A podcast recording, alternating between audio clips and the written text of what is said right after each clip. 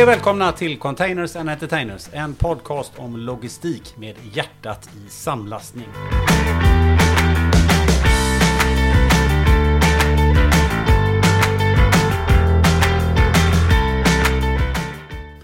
Med oss som vanligt så har vi Linus Alm och Peter Mikael. Välkomna! Tackar, tackar. Tack, tack. Och idag har vi med oss en professor. Oh, oh. Nämligen Johan Voxenius, professor i sjöfartens transportekonomi och logistik på Handelshögskolan vid Göteborgs universitet. Stämmer. Väl- välkommen! Tackar. Det var en lång titel. Ja, det går för korta. Det, det går, men det är... Ja, man kan säga professor i sjöfart eller professor i logistik. På lite på sammanhanget. ja. Men vi kör, jag tycker vi kör de långa titlarna här så att vi liksom... Ja. Då har du missat företagsekonomi för det är liksom huvudämnet så särskilt allt det här långa. Ja, okej. Ja, men det... Ja. Markering att vi är specialister på väldigt tunna små saker. Mm. Tunna småsaker. Du, eh, vi återkommer till dig eh, alldeles strax. Peter, eh, nu får du hålla i tugget här. En professor i, Ja. i, eh, i, i rummet här. Har du liksom, hur är du, är du prep, preparerad för det? Ja, jag har mest, inget ångest, men jag börjar fundera på mig själv. Vart, vart slutade jag att läsa och, och varför då? Och det med andra. Så att jag är mest imponerad att man är så beläst och, eh, och eh, gått den verkligen långa vägen. Ja. Men du Det har, var li- ju inte jag. Nej, men du har ju, du har ju sålt space in container. Vad har jag gjort, sa du? Du har sålt space i containers. Ja, det har jag gjort. Ja. Ja. det har jag gjort. Det, Och det är inte dåligt. Nej. Nej. Någon ska ha svart bälte i det också. Ja, exakt va? Eller hur Linus? Vad säger du om Ja, det? ja, men så är det. Jag tror att eh, för dagens ämne så, så behöver vi ha en professor närvarande, för det här är väl mera, mera svårtolkat än någonsin skulle jag tro. Eh, så att vi har kallat in det tunga gardet idag här. Ja, eller hur va? Ja. Hur har du förberett dig rent eh, mentalt då? Nej, mest avslappning. Ja. Ja. Sist vet jag att vi hade uppe i, i, i podden där att Linus hade en egen tid. Och, och det här med att, nu kom han ju bara sju minuter sen. Men tror du inte att, att vi fick vänta tio minuter? Jag hade kallat det ett, ett möte, Johan och Linus, och Linus hade kallat det möte. Men inte 17 var han, han var tio minuter sen. Ja, Ja, ja. Det, det är en tolkningsfråga. CLT menar du? Ja. Central Linus Time. precis. Okej, Ja. ja. ja. Men sju Ja, men- minuter är rätt bra i min tid. För du har ju antingen akademisk kvart eller inte. Så kommer man sju minuter så är det en bra kompromiss. Ja, ja. Jag tänkte, ska du gå bort, vet du, så kommer du alltid... Du får inte komma tidigare än en kvart sent. Eller hur? Så det var Så bara jag jag som... applicerar och sju minuter är bra. Det Liksom. var, det var bara jag som reagerade på detta. Eh, Johan tog ju det direkt. Ja, ja, ja. Ja, Det ja bra. snyggt. Snyggt jobbat. Samma våglängd. Ja. Eh, men hörru du Linus. Eh, varför har vi nu gått så långt att vi eh, behöver kalla in en professor för att reda ut saker och ting? Vad, vad, är, vad är ämnet idag? Eh, nej men idag ska vi väl, vi ska ju försöka ta oss igenom det eh, svåra läget som vi har hamnat i. Inte bara i våran eh, bransch naturligtvis, men i, ja, i, hela, i hela samhället liksom. Det, där, det har ju det är ett antal faktorer som har lett oss dit fram och hur det sen har påverkat eh, transportledet och logistiken. Och det ska vi väl försöka och, eh, och bena ut idag lite grann. Vad, vad är det just nu känner du som är det, det, är det mest förvirrande eller där det gör där du bara känner liksom att herregud, hur ska det här? Nej, men det är väl det är ju kombinationen av, eh, av fraktläget och godsvolymer kan man säga, som båda är alldeles för låga. Eh, och framförallt att vi kommer ifrån en tid, en pandemi, när vi har eh, förmodligen nästan glömt av att vara kostnadsmedvetna och vi har eh, haft höga frakter och vi har haft en hög arbetsbelastning och så vidare. Så att, eh, att komma ut ur det och ställa om, det är svårt för många nu tror jag. Mm. Det ska vi fördjupa oss i. Eh, Johan, eh, ge oss en liten kort bakgrund till vad du jobbar med och, och varför hamnar du där du hamnar? Om vi börjar med andra frågan där så jag är till åren komna lite nu så att jag eh, började läsa industriell ekonomi på 80-tal på Chalmers. Och det är en väldigt bredd utbildning och eh, kommer ihåg det var lite yuppie-era sådär och, och den här utbildningen startades för att vi skulle bli direktörer i princip. Och det lät väl lite trevligt. Sen kom 91, då var det väldigt jobbig arbetsmarknad. Det fanns inte ett jobb och ingenjörer blev avskedade och visste man ju att då var man ju efter dem i kön och blev återanställd sen.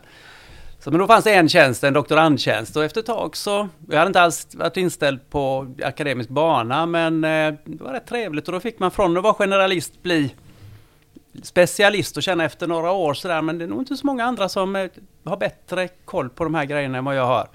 Och att det blir logistik kan jag nog säga kopplat lite till det ni sysslar med här att eh, jag läste med Kent Lumsten hade jag som lärare och det var först när jag kom till den kursen efter alla de här mattekurserna och metalliska material och termodynamik och annat elände. Men här blir det liksom någonting man kan, inte banka på kanske, men se och man kan börja se korrelationer. Och tank och bulk och sånt där är inte särskilt spännande för logistiker, för det är ju en ingenjörsgärning, jag en stor båt som passar till det här flödet och de här hamnarna. Och sen är det inte så mycket mer, så tuffar man mellan två. Men när man kommer till styckegods och annat med samlastning, när det börjar bli kompromisser.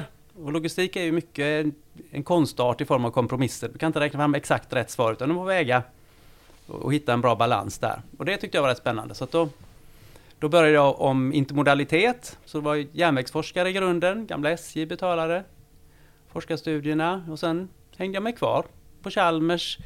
Så jag var väl där som forskare i 15 år tror jag och sista 15 åren har jag varit på Handels.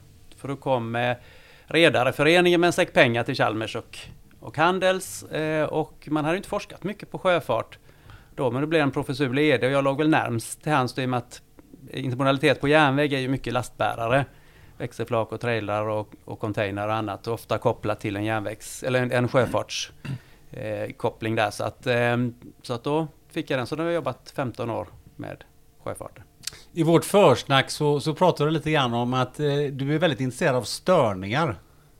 I, ja. de här, i, I de här leden alltså? Ja, och det är någon som hört mig någon gång i media sådär så tänkte jag nu är det något som inte funkar, då ringer man Johan så. Ja, mm. ja och bakgrunden där är att vi hade ett projekt, eh, jag komma ihåg, som var väldigt stor störning då, när, när det var arbetsmarknadskonflikt i APM Terminals här i Göteborg.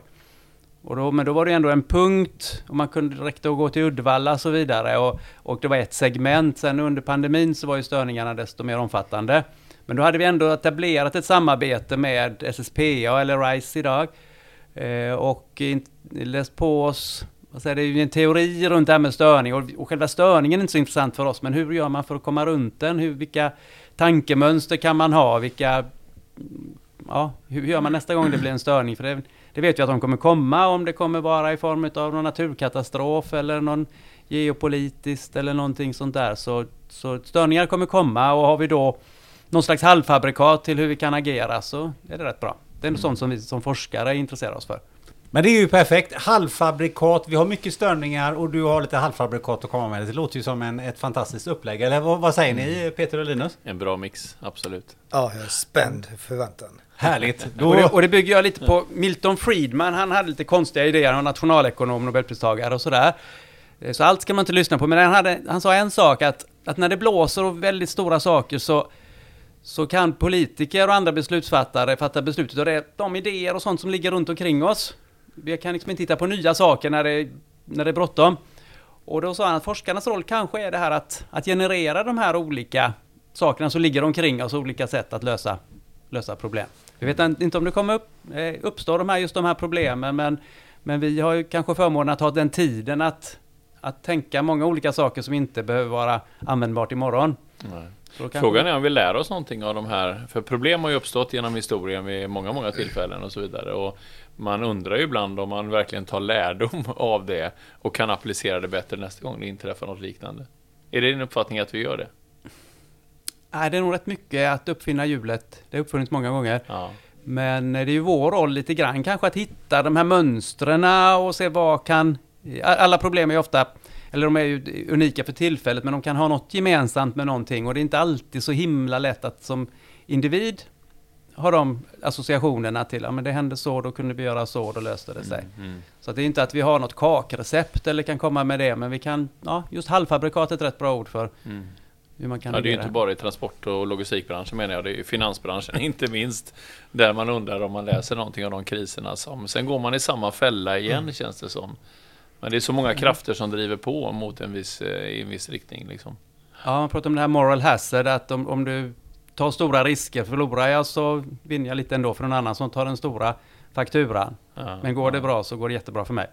Och där har vi hamnat gång efter gång med bankerna. Mm, mm, ja, bankerna är ju ett, ett kapitel. Eh, men det kapitlet som vi ska ägna oss åt mest är ju fraktmarknaden, logistikmarknaden. Om vi börjar någonstans i det, i det stora hela. Johan, hur skulle du vilja beskriva läget på den här marknaden just nu? Det är nog som förväntat skulle jag vilja säga om man studerar tidigare kriser och så här. Så efter när det, om man nu säger att de praktiska problemen har löst sig, volymerna har kommit ner så att den säga, akuta pressen på transportsystemet har vi inte riktigt kvar. Men då kommer ofta en period med mycket ryckighet.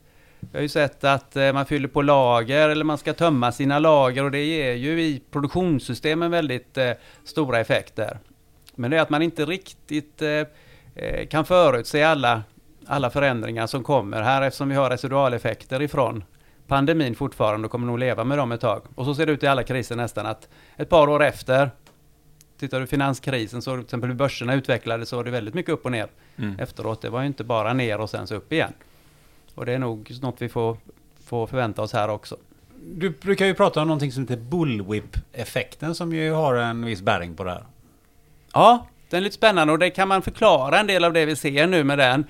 Och det var eh, någon som heter Forrester i Amerika som hittade det här, eller kunde förklara det i alla fall teoretiskt. Och det handlar om eh, i en försörjningskedja med många led, att en liten förändring längst ut i konsumentledet kan ge väldiga effekter på uppåt i systemet. För man har olika säkerhetslagar, det finns olika sätt att förklara. Men det fenomenet de såg, det var Pampers blöjor.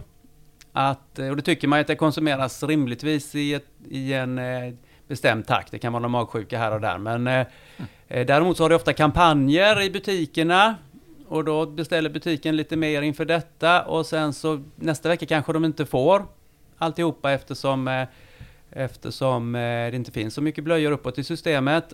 Och då beställer de dubbelt så mycket och så vidare. Och då blir det väldigt, väldigt ryckigt. Och sitter du sist i ledet med, som tillverkare så är det ju processindustri som ska tugga och gå. Där kan du ju inte eh, dra i gaspedalen hur mycket som helst. Och du får välja lagernivåer och sånt där.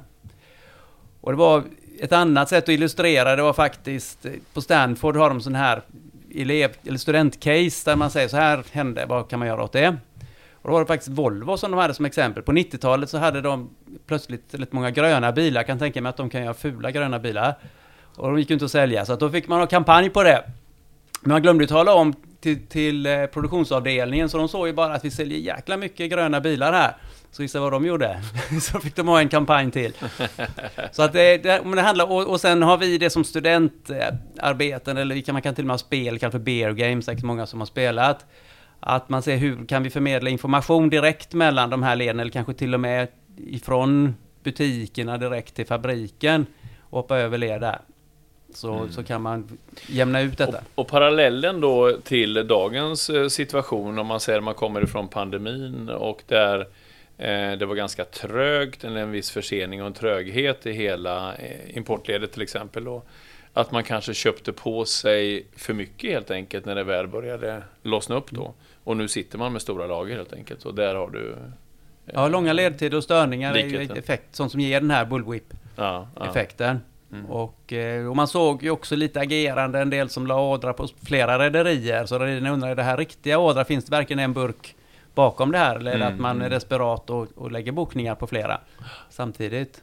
Vi har ju sett en del eh, störningar. Vi har ju varit inne på det med pandemin och störningarna fortsätter ju. Alltså, man har ju byggt väldigt slimmade logistikkedjor. Vad, vad har det för betydelse? Hur har det kommit sig? Bakgrunden är nog att vi eh, agerar ju efter det vi själva har sett. Jag hade en eh, lärare på Chalmers som eh, på äldre dagar studerade teknikhistoria. Han, tog, han har hållit på med hållfasthet själv. Jan Hult hette han säkert många som har hört talas om honom. Eh, han pratade om brobyggare. Alltså en brobyggare som har sett en bro falla eh, gör en väldigt robust bro nästa gång. Men sen går ju tiden och det kommer in nya. Det kan vara arkitekter som gör en smäcker bro och det kan vara ingenjörer som tycker att de är lite bättre så de kan ju räkna mera på, på precis hur, hur hållfast den måste vara. Men sen kommer något nytt fenomen, det kan vara nya material som inte uppträder precis som de gamla och så trillar det igen. Och den generationen som har sett det, då är man fortfarande försiktig, men successivt mindre.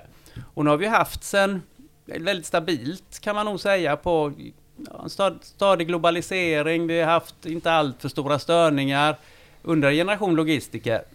Så man pratar om japanska sjön till exempel, att man ska sänka lagernivåerna för att eh, få fram störningar och kunna agera mot dem. Det är sån japansk produktionsfilosofi. Och eh, det går ju bra så länge du själv kan bestämma den här vattennivån. Men under pandemin så var det ju någon annan som bestämde hur mycket nu är det lite i liknelser här. Irene var, när den var låg så var det inte bara liknelse utan där var det ju faktiskt lågt, lågt vatten. Men, eh, men jag, jag, tror det ligger mycket i att eh, har det inte gått dåligt på länge så slimmar man på marginalerna hela tiden. Några som har tjänat eh, mycket pengar under den senaste tiden är ju rederierna. Vi har ju haft uppe det några gånger. Vi har haft rederierna här. Vi har ju, ja. har ju eh, pratat en hel del om det. Hur skulle ni eh, vilja säga att hur ser den marknaden ut just nu? Vad gör rederierna? Ja, alltså det är klart att man under 21 och 22 så har man ju haft eh, år som man inte har sett på många decennier innan. Eh, och det är klart att många av de här rederierna hade ju ganska så sargade balansräkningar när man kom in i den här perioden. Samtidigt så var det fortfarande höga investeringar i IT och eh, en omställning eh, på miljö också, där man är tvungen att skrota ut mycket fartyg och, och ta in eh, bättre, bättre miljöanpassade fartyg. Så att det, det finns nog hål att stoppa i kan man säga för rederierna. Men, men samtidigt ska man också klara av den här omställningen då. Det är klart att, att, att frakterna faller ifrån 18 000 dollar till vad det nu ligger på 12, 13, 14 100 dollar på, från Asien och hemgående. Det är klart att den omställningen klarar man inte av så enkelt. Rederierna har ju som alla andra speditörer och samlastare och, och, eh, åkerier, you name it. Alla i logistikleden har ju dratt på och anställt eh, massa, massa nya människor för att klara av den arbetsbelastningen. Så att läget tror jag är ganska dramatiskt i många led just nu. Det är många som sitter och funderar på Ska det vara så här låga frakter? Eh, ska volymerna ha gått ner så här mycket? hur ska vi klara av att anpassa vår verksamhet till detta? Och så börjar man. Jag tror att man kommer att behöva eh, kostnadseffektivisera. Alla kommer att göra det i alla led nu framöver. Har vi några historiska perspektiv på det där eh, Johan? Ja, den stora skillnaden nu kan man säga, hade det här hänt i tank och bulk, torr, torrbulk och tanksegmenten så hade det varit, ska inte säga vardag, men så har det ju alltid varit väldigt volatilt. Mm. Medan linjesjöfarten har ju aldrig sett de här stora eh, svängningarna. Eh, och jag vet inte, men det, det är ju eh, väldigt få rederier som är börsnoterade. För hade det varit, alla rederier varit börsnoterade nu så hade, hade aktieägarna sagt ja men vad bra ni gjorde 50% marginal förra året då har vi 60% mm. nästa och 70% mm. och så vidare. Och inte vana vid att oj, nu trillar vi under nollan istället. Eh, så att, eh, för de är ju i regel familjeägda. Maersk är på börsen men bara halva mm. kapitalet. Eller, stats, eller statsägda. Eller statsägda, ja, det var, ja. Och det är lite spännande. Kanske ett tema mm. för något annat. Eh, ja. Det här ägande inom transportbranschen. Hur många transportföretag finns det på Stockholmsbörsen? Mm. Peter, vad tror du? Transportföretag, ja, det är inte så många. Ja, det är jag. handfull, vill jag säga. Ja, jag tror jag ja. räknade sist market cap, alltså värdet, aktievärdet på dem. 5-6 miljarder beror på om SAS går bra eller dåligt. Och SAS ja. är ju ändå 45% statligt ägt. Ja, ja, du hittar inte de där antingen familjer väldigt privat ägda eller mm. statligt ägda. Mm. Kollektivtrafiken idag drivs nästan enbart av andra, andra europeiska mm. stater. Men det kanske är... Nej, men det är bara lite intressant, en, bara, bara ja. var, varför är det så? Man har inte riktigt eh, den karaktären som börsen gillar. Stabila. Däremot hamnar och allting sånt där, det är ju utmärkt för pensions pensions eh, företag och annat. Att du, där har du en infrastruktur, tung investering och du taktar på med några, några procent avkastning varje år. Men utförande av transporter det är ju så himla volatilt så att du har ja, svårt. I kvartalskapitalismen så tar du fel beslut helt enkelt. Stena till exempel är ju eh, väldigt duktiga på att manövrera sitt kapital och att går det dåligt så måste man ha lite i fickan för att där kunna göra investeringarna. Medan mm. det är jättesvårt eh, som börsnoterat, inte då aktieägare vill gå in med extra kapital och annat så här. Så att det, det blir, det är nog svårt beslutsfattande när man mm. ligger på börsen. Det är för många hänsyn du måste ta. Men vad gör rederierna nu då? Jag menar, de sitter ju på rätt mycket tonnage. Ja, det är lite spännande när vi jämför hur rederierna agerade vid containerkonflikten i Göteborgs hamn. Och det kan man väl säga att Maersk var det en utav en liten del. Men det är alltid någon strejk någonstans så här. Men då var man väldigt tydlig med åtminstone på Göteborgskontoren och så här att nej nu skjuter vi IT-investeringar och miljöinvesteringar på framtiden, lite som du var inne på Linus här, att det är helt annorlunda nu. Nej, nu accelererar vi. Det är klart att, att är det totalkaos så kan vi inte ringa runt till tiotusentals kunder. Vi Nej. måste ha IT-systemen på plats. Det är den som kommer vinna som verkligen kan styra upp det här. Och miljön har ju från att ha varit någonting man kämpade emot i början så här liksom. Eh, och jag under min tid när jag gick från järnvägsforskare till, till sjöfartsforskare så var det väldigt spännande. Man gör i princip samma sak. Flyttar billiga, tunga saker långa sträckor till låg kostnad. Men så totalt olika branscher. Mm. Och järnvägen har ju inneboende miljöfördelar som man pekar på. Sjöfarten på den tiden sa jag bara vi lägger över det på sjöfart så är det miljövänligt för att det men så det är ju lite förenklat då. Ett, ett Roroforshög G23-knop är inte särskilt miljövänligt. Nej. Så att, eh, men, men då kämpar man emot. Men nu så börjar man ju säga, men vänta lite nu, någon av oss måste ju vara bättre än de andra på kvalitetssjöfart. Låt grekerna kämpa emot istället, så, så kämpar vi för. För att ett regelverk skyddar ju ofta den bästa. Mm. Mm. Men det, det, det tog ett tag tror jag att det sjönk in inom svängen jämfört med många andra branscher som ligger lite före. Bilindustri, eller lastbilsindustrin har ju varit mera puttad på så att säga från myndigheterna under en längre tid. Men det är lite nyare fenomen. Men nu, nu så investeras det och man är klart man inser att eh, båtarna försvinner ju inte bara för att de är utanför Vinga. Dessutom med alla transpondrar och sånt så vet vi var de är. Så att, men eh, men de, det var liksom en attityd lite att det, vi är mellan länder, det är svårt att reglera oss, vi är ute på de stora haven. Men eh, koldioxiden så rä- räknas även den som släpps ut utanför Vinga. Mm. Hur är det? Fyller de sina båtar? Säger du? Eh, ja, de är ju ganska duktiga i sådana här situationer på att, eh, att blanka avseglingar och, och, och plocka ut eh, fartyg ur trafik och så vidare på något sätt för att, eh, att anpassa eh, tillgången till efterfrågan. Eh, och, men det har de ju naturligtvis inte gjort när volymerna har fallit de senaste månaderna här nu då, utan eh, frakterna har ju fallit fritt kan man säga. Eh, och, eh, men nu försöker man ju, men det är ju ganska tafatta försök när man säger att ja, vi är fullbokade ut från Asien nu. Jo, det är klart när du har plockat bort hälften av fartygen. Liksom. Så att eh, man, men det är lite grann eh, konstgjord andning på något sätt eh, när det blir så här. För det är ju så pass stora förändringar i godsvolymerna så att det, det klarar man liksom inte riktigt av att hantera. Och sen är det ju faktiskt också nya, nytt tonnage på väg in på marknaden och, och så vidare. Så att man har nog väldigt, väldigt svårt att hantera den här situationen nu. Och det, det är många som också tror att den här låga fraktnivån kommer ju att bestå ett bra tag till, i alla fall hela 2023. Sen kan man alltid gå och hoppas på att det kommer faktorer som gör, man hör nu att det är väldigt, väldigt stor brist på 20-fots containers och liknande, så man, och då höjer man priserna på 20-fots containers. Det kostar just nu nästan lika mycket att ta hem en 20-fotare som en 40-fotare. Så att det, det, men det är ändå små rörelser och det får ingen stor effekt på, på frakt, fraktpriserna. Så att, eh, nej, det är väl det här som är den stora spekulationen. Vad är det egentligen som ska ske för att frakterna ska komma upp på normala nivåer? För att eh, 1000-1500 dollar för en 40-fotare, det, det kan ju inte ens rederierna leva på. Och det har ju varierat lite över, över tiden här. För Förutsättningarna är ändå lite bättre nu än vad de var säg under finanskrisen. För vi har haft en marknadskonsolidering. Och det är lättare för ett fåtal stora. De behöver inte prata med varandra. Men har du tio slingor och du kan ta bort två själv så, så kan du göra det. Men är det tio olika företag, vilket företag ska ta bort sitt utan att man pratar? Mm. Man kan inte gå från 100 till 0. Man kan gå från 100 till 90 kanske utan att det svider så, så mycket. Nej, det har ju hänt mycket på de eh, tio dryga åren här liksom, med konsolidering i rederibranschen och det är nog tur. Och, och, eh, och nu är det ju att de, de eh, kan ju inte, alltså hur de agerar, de kan ju egentligen inte köpa mycket fler fartyg eller köpa andra rederier. De varken, varken eh, konkurrensmyndigheter eller kunder kommer acceptera att Maersk och MSC blir större i princip. Nej. Så de måste investera i andra saker.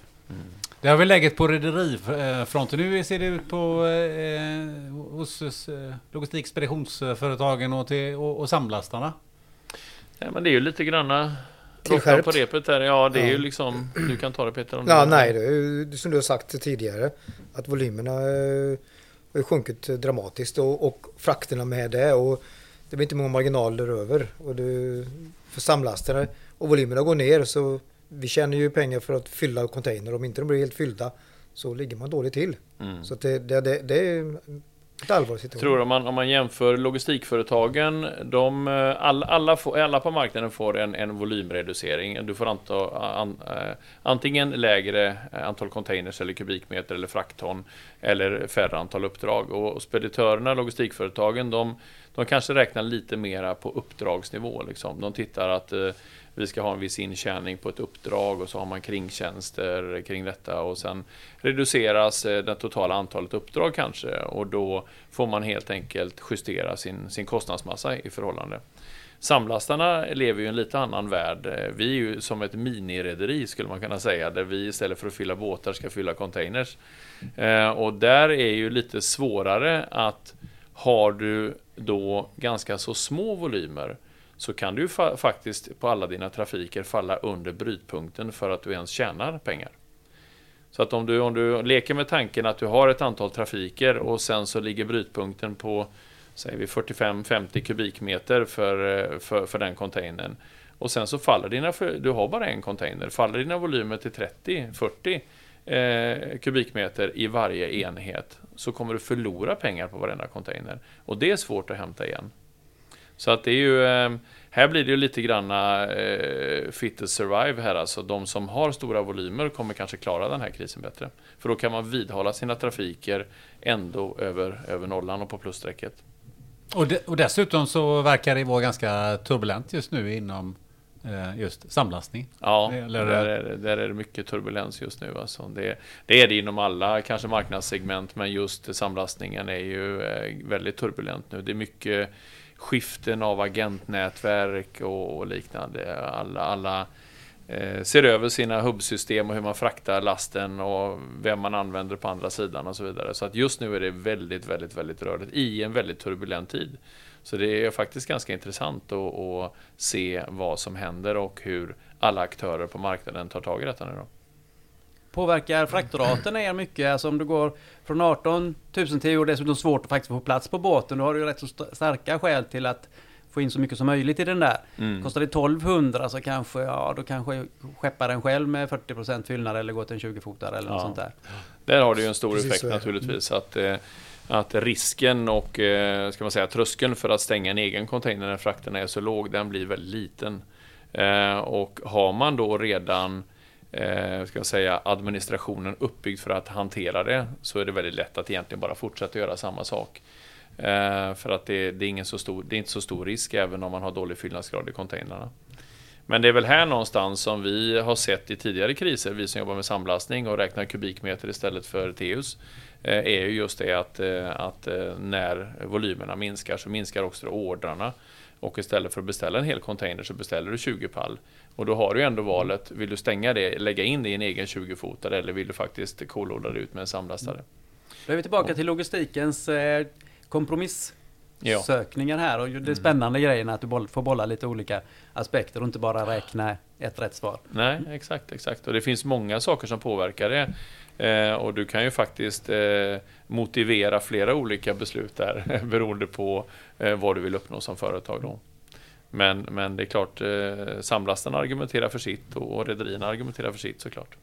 Ja. Du, Peter, du antecknar. Du, du måste ha helt nej. batteri med frågor nu. Nej, nej, jag, jag, nej men jag... Du, har inte släppt de, in det här. Grejen är de, är de är så bra på att prata så att... Eh, och, så. och när de pratar så checkar jag av det jag tänkte säga. Ja, men check, då är, då är den borta. Men, ja, men det är så jag jobbar. Jag liksom, allt det här ska jag vara med och så pratar de om det. Ja. Det är ingen idé att jag sitter och tjötar också. Du har ingenting som nu då som de inte... Nej, men jag, ja, men jag var inne på det vi pratade om eh, långt tidigare med, med, med eh, som jag säger, bra tider när, när saker och ting rullar på som uppåt och framåt. Och det, det ska slipas på ledtider och just in time som det har varit eh, väldigt poppis de senaste eh, 10-15 åren vad det kan vara. Och, och så kom den här störningen då, som du sa, covid, som ändrade totalt på det.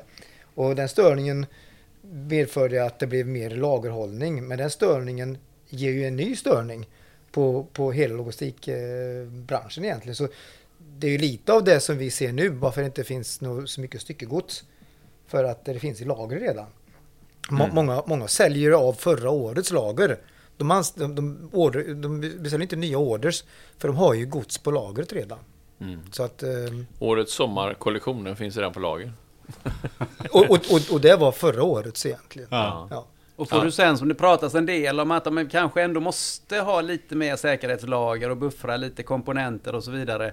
Man i en situation där, där containersjöfarten ska fylla på säkerhetslager istället för att du har ett ganska tajt tidsstyrt schema. Att den här komponenten är faktiskt redan bestämd att gå in till eh, en sekvensleverans i, vid linan vid det tillfället.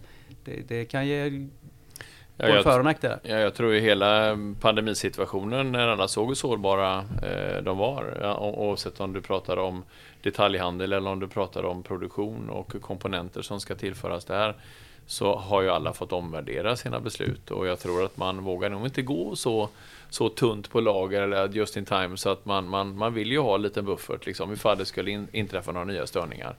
Och jag tror alla även ser över sina, sina inköpsmönster och varifrån du handlar dina varor.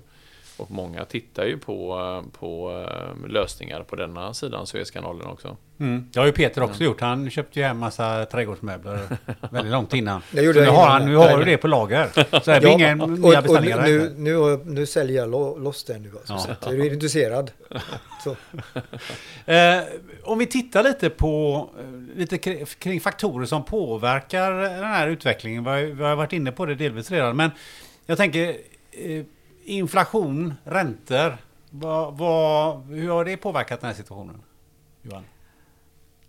Ja, på det vi precis pratade om, att det inte är riktigt kul att just nu säga men då måste vi bygga upp egna buffertlager när räntan sticker iväg. För det- kostar ju kapital att ligga på, på komponenter och annat. Eh, men den ger ju också, om vi nu pratar konsumentprodukter, det är klart att eh, de sitter med stora huslån och ska punga ut mycket mer ränta, då blir det mindre att köpa prylar för. Det är inte så svårt att, att räkna ut. Och eh, även rederier och alla som har kapitalintensiv verksamhet eh, är ju, det är ju tufft när, när räntor, och även där lite koppling till brobyggarna, vi är inte vana vid räntor. Nej. Tittade, tittade helgen på första huslånet jag tog 25 år sedan vi köpte huset. Det var 7-8 procent. Mm. Och då var man Mm. väldigt glad Det för de som sålde ville vi skulle ta över de lånen med bundna lånen med 13 procent ränta. Så man behöver inte gå jättelångt tillbaka i tiden. Och, det, och det pratas om mer nu att, att det där med ränta är ju någonting naturligt. Det har varit onaturligt egentligen att ha Mm. definitivt minusränta då, men, eh, men även de Mm. låga räntorna, artificiellt låga räntorna vi haft under många år. Mm. Så att det är väl, jag skulle säga att mera gå tillbaka till en ganska normal situation, men att vi har vant oss och det har varit rätt bekvämt att kapital är gratis. Det är lite historielöst. Alltså jag håller med dig där eh, på 13 procent. Jag tror att eh, första lånet jag tog var 14,75 när jag köpte första, första lägenheten. Tur Det du inte vann här- på lång tid då, eller? Nej. Du har ju en hel, en hel generation här nu som, som inte har varit med om att det finns räntor. Eller Inget De okänt som- koncept. Liksom. Nej, men Ja. alltså det, det, man, man tror ju liksom att man, man lånar pengar så billigt och man kan handla för nästan vad som helst och det är riskfritt för att även marknaden har gått upp under de här åren. Och det är ju, nu kommer ju baksmällan av det och nu är det många som, eh, som sitter väldigt, väldigt tajt till. Och sen ser man ju också lite grann hur, hur Eh, om man säger det här, eh, vi har ju inte sett eller märkt av den här effekten om du tittar i slutet, ta sista kvartalet förra året. Alltså det, eh, konsumtionen ångade ju bara på, inflationen var ju fortfarande 10% plus. Och det är ju inte förrän nu, alltså eh, även nu så ser det ju bara gå tillbaka några veckor eller en månad sen så var ju fortfarande inflationen hög. Och även om du räknar bort eh, elpriseffekten så är inflationen allt för hög. Och det här har ju redan de importerande företagen sett tillbaka i 2022. Och då börjar man ju dra i den handbromsen. Så volymerna började vika, men konsumtionen fortsatte. Eh, nu kommer ju konsumtionen att gå ner ganska kraftfullt, skulle jag tro. i Och ser du då här. Så att- på, på containergodset och kanske särskilt det samlastade då, mycket hög andel konsumentvaror. mm. Så har du ju dessutom, under pandemin så hade du inte konkurrens med tjänstekonsumtion på samma sätt, resor och, och restauranger och sånt där, utan det ska ju också trängas in i den eh, disponibla Precis. inkomsten. Mm. Jajamän, jajamän. Vad, vi har ju massa krig och, och konflikter som har blossat, ut, eh, blossat upp det senaste eh, dryga året kan man säga. Hur mycket har det påverkat?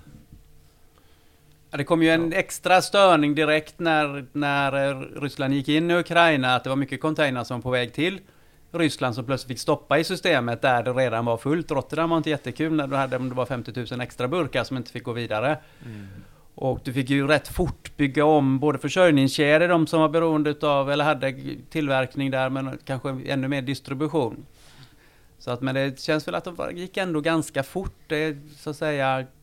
Eh, PR, PR-priset för att fortsätta att försöka handla med Ryssland var ju rätt högt. Så jag upplever ja. att man, man drog tillbaka rätt så rätt så ja, fort. Men det blev en ganska stor förändring i hela logistikmönstret. Alltså samma som egentligen hände under pandemin när containrarna stod på fel platser i världen. Liksom. Och här har du en stor eh, nation som både exporterar och importerar enorma mängder och helt plötsligt så är det bomstopp. Liksom. Och det stör ju hela logistikmönstret. Liksom. Men jag tycker ändå, jag tycker inte det blev så stora logistikstörningar av det. Det kändes inte så i alla fall. Eh, Förutom järnvägen. Ja, järnvägen mm. såklart. Ja, den, den, den har ju inte stannat av. Eller här uppe Nej. så är den i stort sett eh, lagd på hyllan. Men, men i, eh, i delar av Europa så tuffar det ju på. Mm. Och ju längre österut du kommer desto mindre moral och etik har man ja. kanske i det avseendet. Så att, eh, eh, ja, det, den, den rullar ju på men den är ju inte ens i närheten av vad den var eh, innan pandemin såklart. Eller innan kriget. Eller under pandemin, ja precis. För, ja, ja, jag menar, jag menar. Men speciellt att det är så just ja. Sverige, ja, jag tror vi är nog bäst i klassen om man ska uttrycka det så. Att, att um, om man ser moral och etik, att inte tra tra trafikera varor över Ryssland då. Men du ja, säger i, i, i Centraleuropa och öst, det är som vanligt. Ja, ja de, de bryr sig inte så mycket Nej. så länge godset kommer fram. Och de där tåglinjerna, de går ju faktiskt. Ja, det gör och, och kineserna försöker ju egentligen bara att Eh, och, och, trycka på, för det är ju stora, stora investeringar mm. med One Belt One Road-initiativet. Och, och det och framförallt hela... skulle jag säga, när Xi Jinping och Putin pratar så jag blev väldigt förvånad om inte Xi Jinping fäster blicken igenom lite så här, det här var inte jättebra för det han har satt så mycket personlig prestige i One Belt One Road. Ja, mm. ja mm. verkligen, verkligen. Nej, och det har ju eh, säkert eh, ryssarna garanterat eh, fri lejd genom Ryssland för, för järnvägstrafikerna eh, fortsatt. Liksom. Så att det har inte varit mycket störningar i dem, det har det inte. De kommer ju fram. Även om de bara går en kort, kort eh, sträcka genom Ryssland så, så var det många som befarade att det skulle stanna upp helt och hållet. Men det har det inte gjort. Däremot är ju transporterna hit upp eh, i stort sett nedlagda eller mm. pausade för stunden i alla fall. Och kriget är ju ett och väldigt konkret eh, fall utav geopolitisk oro och man ser läggspelet. Nu kommer vi dela upp oss i olika regioner. Eller, men det, mm. det kom ju även tidigare. Trump var ju inte den största förespråkaren för global handel och handelshinder och annat så här. Så att det, det är ju också mm. en väldigt instabil situation geopolitiskt nu ja. som påverkar försörjningskedjornas design förstås. Verkligen, verkligen. Ja, hur kan du utveckla det lite grann? Vad, hur, hur ser det ut i de olika regionerna? Ja, eh, det har ju varit en del mönster. Man har nog velat ha produktion kanske på, om vi säger de tre stora ekonomiska regionerna, Nordamerika, Europa och Asien. Eh, men i Asien så har man förr inte haft så bra underleverantörsstruktur, utan ofta varit kanske europeiska leverantörer som antingen skickar till sammansättningsfabrikerna eller att de sätter upp egna eh, produktionsanläggningar där. Men där har man kvaliteten har ökat så pass mycket i Asien så det, det här hade nog hänt ändå skulle jag tro för att det är rätt kostsamt att skicka komponenter, särskilt om ska säga i ett, ett mellanled. Vi, vi, kan nog alltid skicka hög, eh, högt prissatt elektronik, det kan vi flyga. Och gjutgods och andra basvaror kan, vi, kan man vänta på båten till låga priser. Men däremellan har vi väldigt mycket, om vi nu pratar fordonsindustrin då, väldigt mycket komponenter som, som inte har ett glapp mellan produktions eller transportutbudet där. Så därför mm. håller man, har man alltid hållit sig inom regionen. Man söker sig kanske till Polen, Tjeckien i ett första läge och sen kanske man Turkiet och sen vidare bortåt. Mm. Så att det är inga nya fenomen på grund av detta, men det har eskalerat lite med den allt tuffare geopolitiska miljön. Mm. Ja, för vi pratade ju lite också om, eh, det har vi gjort tidigare, om, om, att det byggs mer lager här hemma i, i Sverige och att man försöker komma närmare, närmare eh, slutförbrukaren och sådär. Har det accelererat någonting på senaste året? Business Sweden gör en del undersökningar där. De såg väl att det började även före pandemin då, i takt med, med handelshinder. Men inte i jättestor ut, utsträckning och eh, vi är ett litet utrikeshandelsberoende land är väl inte betjänta utav att globaliseringen stoppas eller rullar tillbaka. Och den har ändå så pass stora inneboende fördelar med att, han, att handla med varandra. Så att eh, eh, möjligtvis man tänker till en gång till, man ser till att ha, kunna ha en alternativ leverantör eller lägger delar av sina ordrar inom respektive ekonomisk region. Eh, eller att man, att man ändå delar upp det som, som de här riktigt stora företagen som har en, ett produktionssystem i Asien, ett i Europa och ett i Nordamerika. Medan andra lite mindre kanske säljer sina slutprodukter på alla, men man vill inte ha fem olika ben mellan Asien och Europa innan man har en slutprodukt. Där tror jag man kommer tänka till lite. Mm. Lars Gren som vi har haft eh, tidigare som ju är framtidsspanare. Han pratade lite grann om att vi skulle handla mer av våra kompisar. Alltså att eh, vi till exempel skulle då handla mer i, inom NATO och så vidare. Har, har vi sett några sådana eh, tendenser? Det pratas ju rätt mycket om friendshoring är väl begreppet på, på amerikanska där men eh, Ja, i, i viss mån tror jag särskilt om du har högt, väldigt högt teknikinnehåll. Det du vill undvika då det är ju att få bojkotter mot det för att det är någon liten del i. Eh, Och även tillbaka i tiden så det är ju inte nya sanktioner mot Ryssland. De är mer omfattande men redan efter Krim var det mycket sanktioner. Mm. Så ett företag som SSAB till exempel var ju livrädd att man hade någon liten legeringskomponent som gick in i deras stål. Som helt plötsligt sa att du har ju nu brutit mot, mot sanktionerna och det är Mm. väldigt dyrt. Eller om det är te- amerikanskt teknikinnehåll och plötsligt får du inte sälja den vidare. Inom Men det militär... måste ju ha eskalerat väldigt mycket efter, efter kriget. Oh, ja. De, Ja. Så att det får ju betydligt större konsekvenser. Och jag tror också att man teknikutbytet, alltså hög, högteknologi eh, mellan Asien och Europa och, och Nordamerika, där tror jag det kommer påverkas en del. Mm, mm. Men det ser man ju, det har ju under de senaste tio åren så har vi ju byggt eh, lager och terminal så det står härliga till här uppe i Nordeuropa liksom, och, eller över hela Europa. Och det är klart, nu är ju en stor andel av dem fulla. Men vad händer sen? Eh, kommer vi att eh, få en situation där behovet av lagerhållning nära konsument eller producent kommer att bestå? Eller kommer vi få en, en kris på lagersidan? När, när eh, man återgår till någon annan typ av Absolut. Det är som normalisering. säger, man, man lär sig inte misstag och inte det. Man går tillbaka i gamla mönster tror jag alltså. Ja, det är svårt det- att förutse ja. om, om hela Mm. pandemisituationen har förändrat sättet att tänka hos, hos eh, företagen. Att man kommer fortsätta ha ganska så stora lager. Och, men sen det ju även e-handel. Ja, men E-handeln är ju lite grann från pandeminivå på väg tillbaka också. Och, och där har man ju också byggt stora lager för att hantera e-handeln. Det är, det är lite spännande och tänker du som forskar på, på området hur den här pendeln kommer att slå i de närmaste 10-20 åren. Liksom. Vad är det som kommer hända egentligen? Hur påverkar sådana här stora händelser vårt beteendemönster som företag och importörer? Och, Och det man generellt brukar säga är ju att eh, man överskattar förändringarna på kort sikt men underskattar dem på lång sikt. Och eh, jag skulle säga att jag är inte avundsjuk på de som har i sin forskargärning eller de som gör prognoser eh, på olika typer av eh, business intelligence-företag och så vidare. För de modellerna man har utvecklat, de är inte anpassade för att ha så stora svängningar som vi har nu och så många faktorer som beror på varandra i- åt båda hållen och så vidare. Så att, eh, att eh, göra prognoser är ganska lätt. Är det, hög, är det högtryck så är det lätt att säga att det är soligt imorgon också. Och det är lätt att säga om 20 år så har vi snitt den temperaturen. Men hur ser det ut om nästa vecka, 10 dagar? Ni vet själva hur, mm. hur suddigt det blir i SMHIs prognoser. Mhm. Och vi är nog lite där också nu att, det- att de prognosverktygen vi har är inte utvecklade för den här typen av stör, störd miljö så att säga. Nej. Alla är ju naturligtvis nyfikna på vad, vad, vad händer i, eh, i närtid. Eh, på ett, två år. Vi kan väl spekulera lite grann eh, kring det. Alltså, eh, priserna eh, går ner i raketfart och eh, kostnaderna går inte upp men åtminstone så sjunker de inte. Hur, hur, bara en sån sak. Hur ska det gå? Vad ser vi om ett, två år? Vad tror ni?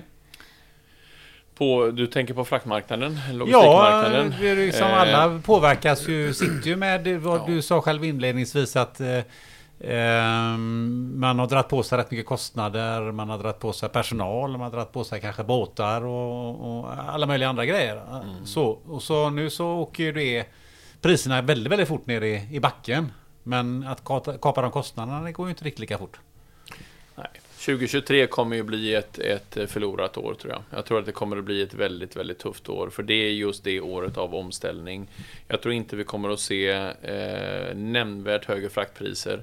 Kanske i slutet på året eventuellt. Men Eh, men däremot så tror jag att vi kommer att se lite ökade volymer, att volymerna kommer tillbaka när alla har betat ner sina lager tillräckligt mycket och det finns ju en viss baskonsumtion som måste underhållas. Så tror jag ju att, att vissa volymer kommer komma tillbaka på vissa marknader. Det tror jag vi kommer kunna se. Men med de låga frakterna som är, de, det, det kommer att nog ha en släpande effekt. Det kommer ta lång tid innan man får upp dem till vad som kanske vore en rimlig nivå, 2, 3, 4, 5 tusen dollar liksom, eh, från där vi är idag på 1200, 1300, 1400. Men hur kommer Så, bolaget att anpassa sig kostnadsmässigt? Nej, jag, tror, jag tror faktiskt att det kommer att vara väldigt många företag i vår bransch som får skära ner sin personalstyrka och bli mer kostnadseffektiva. Eh, kanske till och med hålla igen på viss IT-utveckling och sådana saker. Så att det, det, det, stannar av lite grann. Och sen det som trycker på väldigt mycket nu är ju det här med Eh, sustainability och, och liksom eh, miljö och så vidare. Att man ska investera i det och ESG. Eh, environmental and social governance. Eh, så det är ju väldigt hett på agendan nu och det kostar ju faktiskt pengar att investera i detta. Eh, och risken är ju i de här tiderna att det får åsidosättas. IT åsidosättas också Peter, det låter ju inte... Nej, det gör ont i själen och, och ja, inte göra Det verkar inte speciellt det, smart heller. Vad sa du? Det verkar ju inte speciellt smart heller. Nej, det är ju kontraproduktivt. Mm. för ska du bli mer effektiv så får du investera mer i IT för att du ska klara av lika mycket med mindre personal helt enkelt. Alltså. Så att, men, men det är ju det är den verkligheten vi har. Vi sitter och mm. tittar på det också hos oss. Ja. Vad, vad, vad, vad, ska vi göra för några IT-utvecklingar och sånt? Och, Vinna, vinnarna är de som redan har investerat mycket i IT, tror jag. För att när, det, när, när du måste dra åt svångremmen så kan du inte investera samma pengar i IT. Eh, men har du gjort det redan innan så kommer du åtnjuta den investeringen väldigt, väldigt väl nu, tror jag. Vad säger du Johan? Jag säger att det är fel fråga till en forskare som ändå var ett eller två år. Ja, precis. Vårt generalknep är att dra den 20, 30, 40 ja, år. Det ska du få göra snart. Det är ingen som kommer kolla efteråt om jag hade rätt nej. då. Men jag kan väl killgissa som alla andra runt bordet här. Ja. Så att nej, men fortsatt stökigt. Tror jag. Och då är en, ett, eh, en faktor till är att i en hel del produktionskedjor så betar man nu av order som ligger en bit bak i tiden. I och med att du har haft så det är inte bara logistik och, och komponenter som, som det är ryckigt i, utan du har också att det är orderboken som du betar av, men vet inte riktigt om den fylls på i samma takt framöver. Mm. Och, och, när de nya ordrarna kommer, eller kommer det bli... Mm. bli eh, det är många som vittnar om nästan till tomma orderböcker. Alltså, vi pratar ju mycket med speditörerna och väldigt många av dem säger att fler av deras kunder har nästan till tomma orderböcker. Inom, är det speciella branscher eller inom import ja, jag, jag kan ha svårt att kategorisera vilka branscher det är, men, men eh, i, i den typen av eh, varor, konsumtionsvaror skulle jag nog säga, som är eh, alltså en viss jämn konsumtion på. Liksom. Jag tror att där har man köpt på sig och eh, betar ner och därmed inte fyller på de här orderböckerna. Men jag tror, jag tror någonstans att efter sommaren eller i Q3 så måste nog det här komma igång lite grann. Det tror jag. Är det en förhoppning eller är det en tro? Ja, ja det är väl samma sak i princip. en förhoppning och en tro, men, men eh, det är klart att det finns inga, man vet inte. Alltså det här är ju bara rena spekulationer. Jag tycker bara att logiskt sett så, så är det klart att i och med att du har en viss baskonsumtion så kan du inte hur länge som helst eh, hålla på och minska dina lager bara. Till slut så tar ju det, de varorna slut och då måste du fylla på. Och då är väl eh, kanske våran tro och förhoppning att, eh, att man gör det med, med mindre orders helt enkelt. Men ser man kortsiktigt på saker och ting så någonting som jag irriterar mig ofantligt på det är media. Som mm. bara trummar ut. Liksom. Nu är det dåligt med pengar. Nu ska vi spara. Gör så här för att spara pengar. Och oj vad mycket det kostar mer. Då ska du göra så här. Alltså, det blir ju en sanning till slut. Eh, även om folk kanske inte...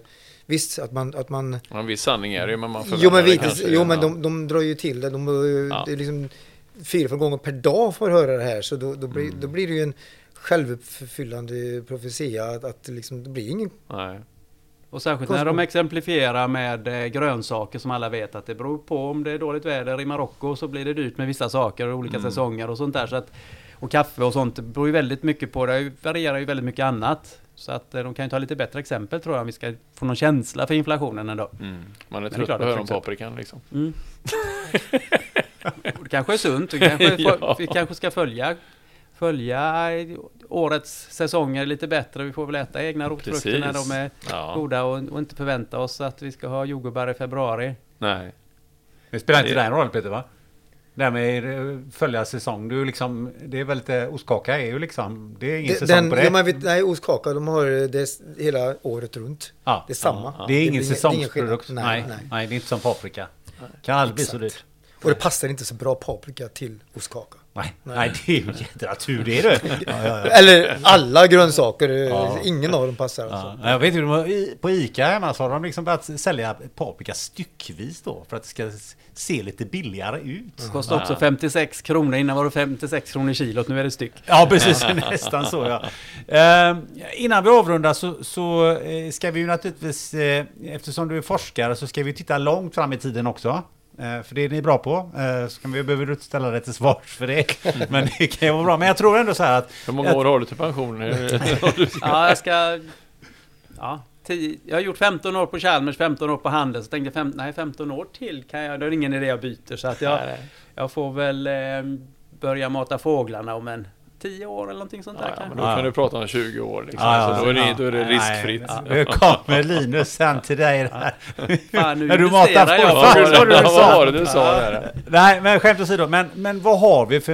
Om vi pratar om megatrender. Vad, är, vad har vi på, på lite längre sikt? Vad ser du där Johan? Eh, om vi börjar där vi varit inne och tuggat lite på det här med regionalisering, så den, den kommer ju inte automatiskt, utan och det har ju varit snack om det ett tag ändå. Det som, som Trump, men också tyskarnas, eller drivet av dem, eh, industrialisering eh, 4.0.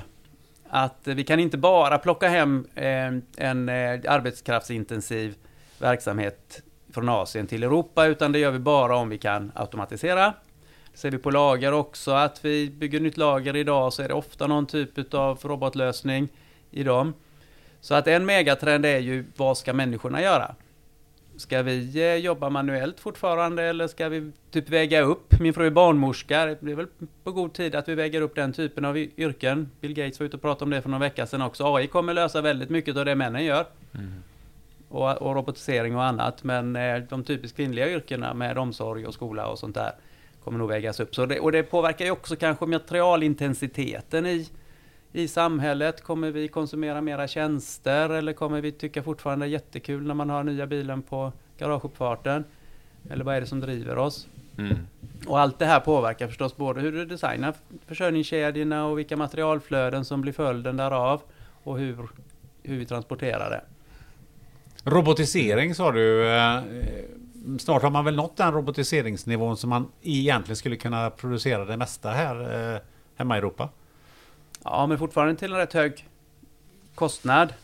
Eh, så att det inte, men det är just de här faktorpriserna och sen är det klart att, att eh, det är fortfarande många eh, människor som är på väg in i en medelklass i Asien. Vi har väl alla pratat länge om när det är Afrikas tur att industrialiseras. Mm.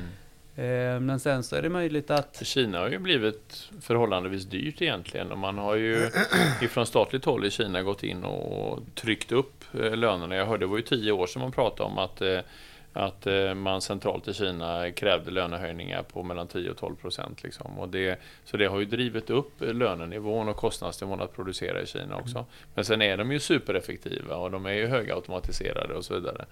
Och det som hände i eh, Kina är väl också att du har, i första vågen av industrialisering så att säga, så var det ju i, i kustområdena. Och att du flyttade mm. personalen från de inre delarna till de yttre. Men du kan inte hålla på så hur länge som helst, för det som de är mest rädda för där är ju att landet ska falla sär eller att kommunistpartiet ska tappa inflytande.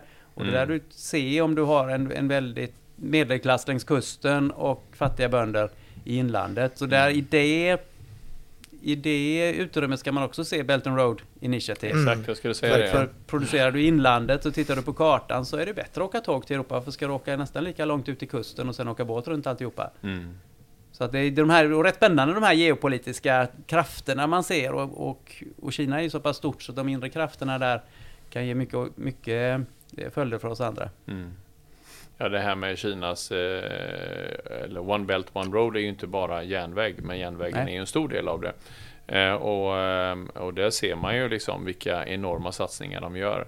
Så bara för att det kommer ett krig i vägen så lär ju inte Kina lär ju hitta vägar runt detta såklart och det kommer ju att, eh, att fortsätta utvecklas i många, många år framöver, är helt säker på. Och de har ju sällan tvåårsperspektiv på det. Nej, de exakt. Ja. När vi är inne på det här eh, geopolitiska, för det är ju ändå en... Där har vi också trender eh, kommer vi se en större polarisering, alltså där vi har olika block som handlar med varandra, att vi delar upp världen mer och det borde ju också påverka logistikflödena. Eller kommer Kina fortsatt säga, ja men vi, vi vill ändå tillverka så pass mycket, vi vill inte störa oss med omvärlden, eller vad, vad tror du? Jag tycker det var spännande och vad som har hänt under kanske säger finanskrisen om Kina, om den hade inträffat 10-20 år senare. För då på den tiden var ju Kina väldigt utrikeshandelsberoende. Det man behövde öka eh, BNP med typ 8% per år för att ta hand om den, de som blev överblivna i, i effektivisering av jordbruket. Det var ju kanske 100 miljoner om året som behövde, som behövde sysselsättas i fabrikerna. Men när man kommit längre och där man är nu, om, om vi nu ser fenomenet för finanskrisen där, om, om kineserna som ändå äger väldigt mycket av dollarna sa att nej, vi har faktiskt råd att sänka Amerika nu. Vi skickar ut våra dollar här. Och vilka störningar hade vi sett då i banksystem och annat när dollarn plötsligt mm. föll fritt för att kineserna kastar ut dem på marknaden. Men inte så är det ju ändå har varit liksom ett, ett flöde med kommunicerande system och Kina, ja, då handlar på krita. Amerikanerna har konsumerat väldigt mycket på krita i Kina och gjort sig beroende mm. där. Och eh, nu är väl utkanten av mitt expertområde här och så vidare, men, men det här med med eh, polarisering inom länder är också ett stort och kraftigt eh, fenomen med, med eh, populistpartier och titta på i Amerika där det mycket av politiken där byggs ju av att på att, att du har många medelålders idag som inte har sett reallöneökningar på väldigt många år. Och att mycket av deras yrken har försvunnit och flyttats tillverkningen flyttas till Asien. Så man där har en ganska inbyggd eh, negativ bild av Kina. De tog våra jobb. Sen glömmer de ofta kanske att vi kan handla billigt på Walmart eftersom det här har skett. Så det, det, det hänger ihop det här. Linus... Hillbilly-mentaliteten. Ja, hillbilly-mentaliteten. Eh, innan vi avslutar så kanske vi ska ta några ord om, om ESG som, som du var inne på. Linus. Hur, hur kommer det att påverka, påverka megatrendsmässigt just det att vi kanske inte köper lika mycket eller vi tvingar rederier och last, alltså olika aktörer här att um, att anpassa sig med nya hållbarhets och miljökrav och så vidare. Mm. Vad, vad, ser du någonting där? Ja, det har nog sett att det utvecklas mycket de åren jag har följt det här för eh, eh, det känns som att redarna inser att de är nog mer i ett sammanhang idag. När jag gick över från så att säga, med järnvägsforskning och de är ju väldigt nationellt nedgrävt i marken, ägt av staten och stoppar vid gränsen i princip. Medan sjöfarten är överallt.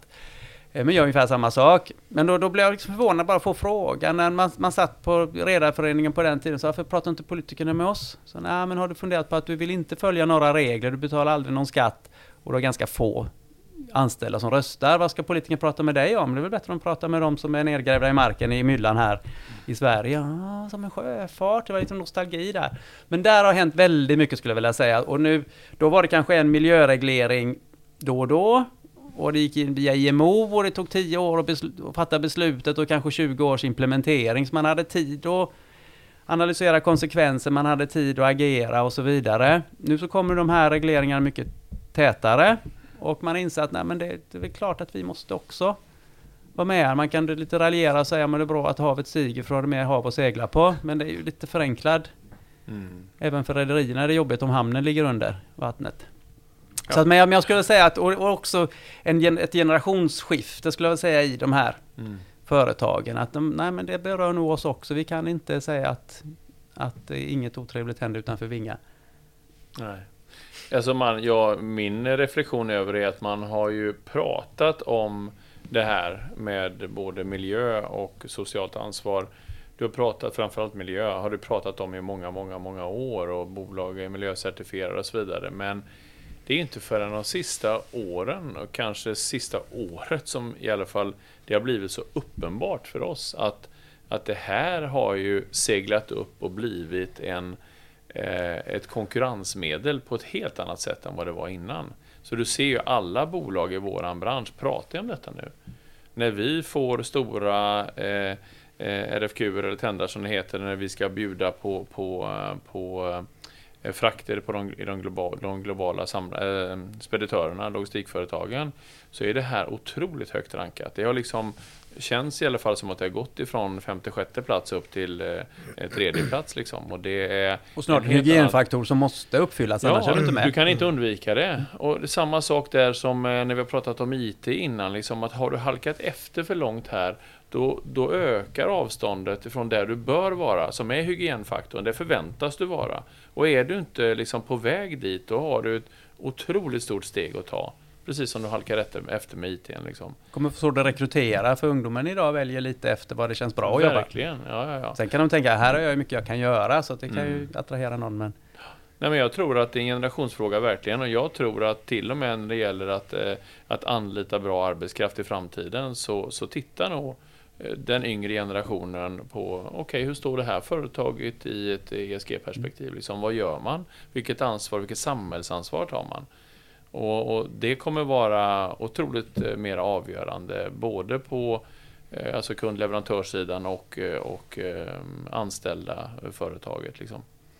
Så det, det, det här har ett otroligt stort fokus alltså. Mm. Intressant eh, trender på kort och på lång sikt. Peter, hur det ser ut med anteckningarna? Har du några frågor där som inte är avbockade? Eh, nej, faktiskt inte. Det, det är så alltså? Det är som Ja, du flyger under här, radarn idag Peter. Alltså, det gör du.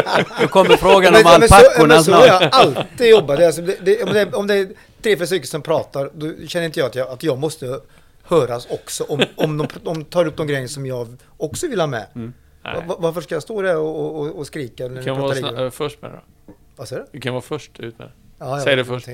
Ja. Och det är ju kopplat till min bransch lite, värdet för oss när vi publicerar någonting. Det måste ju vara först, det, det bygger på att utveckla ny kunskap som forskare. Så då var jag ofta lite störd om någon annan han säger innan, men, ska på, nej, men då tänker jag ju i alla fall inte fel. Jag får vara nöjd med det, att det är andra som också Mm, mm. tänker lika fort check eller något på sånt den. där. Ja, precis. Jag får börja med forskare. Ja, det är Ja, det är bra Peter. Men Det är eh, det känns ju bra att du känner dig trygg för att jag menar, eh, vi vill ju gärna höra din röst. Ja, det har jag förstått det. Ja. Jag har fått väldigt mycket eh, Berö- beröm beröm eh, ute bland bara lyssnare och så. så att, Mm. ja, Mm. förstått ja. det. Ja, men därför så ska du... Vad ironi alltså. Det, det var värmländskan. Det är värmländskan. Men Därför så tänkte jag att du skulle få först ut nu, för vi brukar ju på slutet rekommendera någonting. Aj, Aj, aj. aj, aj. aj. Aj, aj. Det här skulle Ja. man ju tänkt till på innan. Jag Ja. Ja, ja, men det är, det är ju ingenting. Det, var ju inte, det ingick inte alls i det jag skickade ut här. Utan det, och det har vi aldrig gjort förut heller. Nej, nej. nej.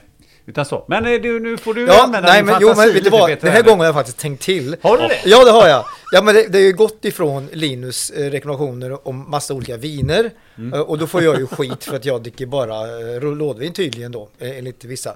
Eh, eller också ska det vara chips. Ja. Men, men jag har ju gått ut lite grann och, eller stuckit ut med kanoter och, och ostkaka och, och allt vad det, vad det var. Så kom jag på nu, vad ska jag rekommendera idag? Jo, en serie ska jag rekommendera. Och, och då är det lite, lite skruvad serie som finns på Netflix, eller Netflix heter jag, precis. Av eh, Är det Gra- Rob- Graham det- Är det Hancock. Robinson? Nej, Graham Hancock heter han. En, en, vad ska man säga, ja, forskare kan man säga att han är. Eh, han har gått ut en, en, en, en serie som heter Ancients Apolyc- Acapolyx heter det. Och det, han, han, har en, han har en teori att det har funnits en civilisation innan vår, den vi har nu.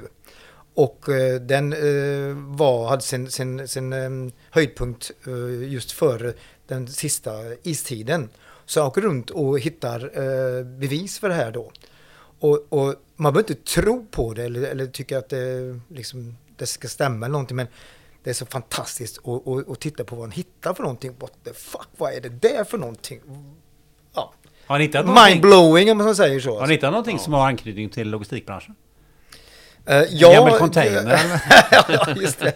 Eh, nej, inte så mycket så. kran. Nej, nej. Inte så mycket sånt? Nej. Inga, inga lammadjur heller? Nej. Nej, nej. inget sånt alls. Nej. Så, så det är min, min Det, tips. det är ett jättebra Och nu tips. kommer Linus med ett vin Nej, tror jag. nej, nej, Linus, Nej. Får, Linus var sist. Egentligen skulle vi haft Johan före, före det här Peter, men, men i och med att du var så antecknare och du inte fått prata så mycket så tänkte jag att Nej, vi tar okej, det. okej. Jag hoppas du ursäktar där eh, Johan, men du, du kanske vill vara med. Har du någon rekommendation sådär, whatever, som du tycker att, att det här ska man göra?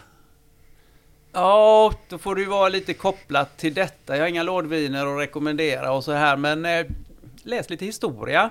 Det är mycket saker som, man, som händer nu som vi har sett liknande innan. Och, så, och läs lite analytiskt så att säga. Hur påverkar det och försök koppla ihop det till vad som händer nu. Det, imperier har fallit och kommit och, genom åren och man kan lära sig mycket utav det och se tendenser. Det är det som säger att västvärlden eh, har redan fallit i sin dominans, det är bara att vi inte riktigt har märkt det ännu. Vi får väl se vad framtiden har utvisat. Jag hoppas att eh, det räcker så pensionssystemet klarar mina min äh, matning av duvorna här nu om en tio år. Ja, det var ju bra koppling till det som Peter pratade om alldeles nyss där alltså. Ja. med historia. Ja. Ja. Va, va, har, du, har du något historiskt eller har du något helt annat där Linus? Nej, inget historiskt överhuvudtaget just nu som jag har förkovrat mig eh, Utan det är, eh, vad ska jag säga? Alltså jag sitter och funderar så det knakar här. Mm, jag hör det, det knakar väldigt Det är, mycket. ja, det hör. det är, nej, det som är fokus just nu för mig, det är att eh, jag och min sambo, vi börjar prata väldigt mycket om att faktiskt köpa längdskidor. Längdskidor? Ja, Ja. så där ja. På, man köper längdskidor och utrustning nu på rean här, så har man det till nästa vår. Eller till nästa, till nästa Ja, för det är fullt på lagren. Ja, jag säger. Exakt. Förra året Ja, så... nej, ja, det, jag vet inte. Det, var, det har varit mycket fokus på, på det snacket nu. Att eh, träna längdskidor, åka till Partilletunneln och träna skidor och sen så åka till eh, fjällen och åka skidor. finns på ju längden. rull, rullskidor finns det ju också. Ja, men det, nej, det är inte riktigt... Eh, nej, det är aptråkigt. det. Ja, nej, det var inte, inte riktigt min grej alltså. Nej. Nej, vinter och eh, längdskidor. Och, och, och var då, vart ska ni åka då? Eh, ja, det, det vet man inte. Men... Vi Eh, får åka vi- längre för varje år och till slut så kommer ni hitta de här grejerna som Peter pratar om sen och kommer bort ifrån permafrosten Ja. längre och längre norrut. Ja, man måste ju norröver liksom och man får väl hålla sig här i Sverige eller Norge. Trysil gillar vi ju väldigt mycket så att det, ja, det, det... Dit vill vi åka mera till Trysil och åka skidor utför och på längden. Och Gunnar, vad rekommenderar du för någonting då? Ja, kan inte du komma med något väldigt bra nu då? Jo, men det kan jag väl göra i och för sig. eh, Ja, men apropå det där med resor, jag är också lite inne på det där. Alltså, vi har pratat väldigt mycket om att åka på safari. Ja, Mm. Det... till Sydafrika. Ja, Men- eller Kenya eller... Ja, men du har inte varit där? Nej, Men hur kan du rekommendera det här då? Om du inte vet vad det är för ja, men jag har sett bra bi- bilderna. Ja. Jag har åkt en hel del där. Vi har adopterat en kille från eh, Kenya så vi bodde där i 7-8 månader. Så det är ganska få av parkerna i Kenya som jag inte har varit i. Ja, Underbart alltså. det är ju Ja, det- perfekt för det, Ja. det, det var en av våra lite, lite små problem som vi upptäckte. Så vem, hur ska vi åka? Vad ska det vara liksom? ehm, ska, så att vi kommer till något bra ställe och att vi får se de här djuren så det inte liksom bara en elefant man leder fram sådär och säger men nu har ni sett en av de stora djuren och sådär. Ja, det gäller väldigt mycket att man har rätt guide som är genuint naturintresserad och visar andra saker än de här Ja. som säger bocka av grejerna som du får om du åker med alla andra turisterna. Ja, Mm. ja. Ja, Ja, ja, ja. Nej, vi skippar det. Vi tar det nästa gång. Jag har en bra grej till nästa gång. du har en Jag bra... lämnar den som en Ja, cliffhanger. härligt. Det blir cliffhanger. uh, hörni, eh, nu är det dags att eh, eh, slå igen eh, lådan, eh, stänga burken eller vad man nu ska säga. Eh, Johan, ett stort tack för att du ville eh, ta dig hit, eh, komma med alla eh, kloka tankar och, och eh, eh, funderingar kring hur, eh, hur det kommer se ut inom den närmaste tiden och, och framöver. Jag tror att det är rätt många lyssnare som just nu sitter och kliar sig i huvudet och undrar eh, hur ska det här gå. Så att, eh, jag tror att jag känner att du, du har, har eh, fyllt på en hel del där som jag tror att eh, lyssnarna Det är gillar. bra, det är skatteåterbäringen. Nästan alla intäktsströmmar som kommer till akademin har ju någon slags skattebakgrund där. Så att se det som en skatteåterbäring. En härlig skatteåterbäring.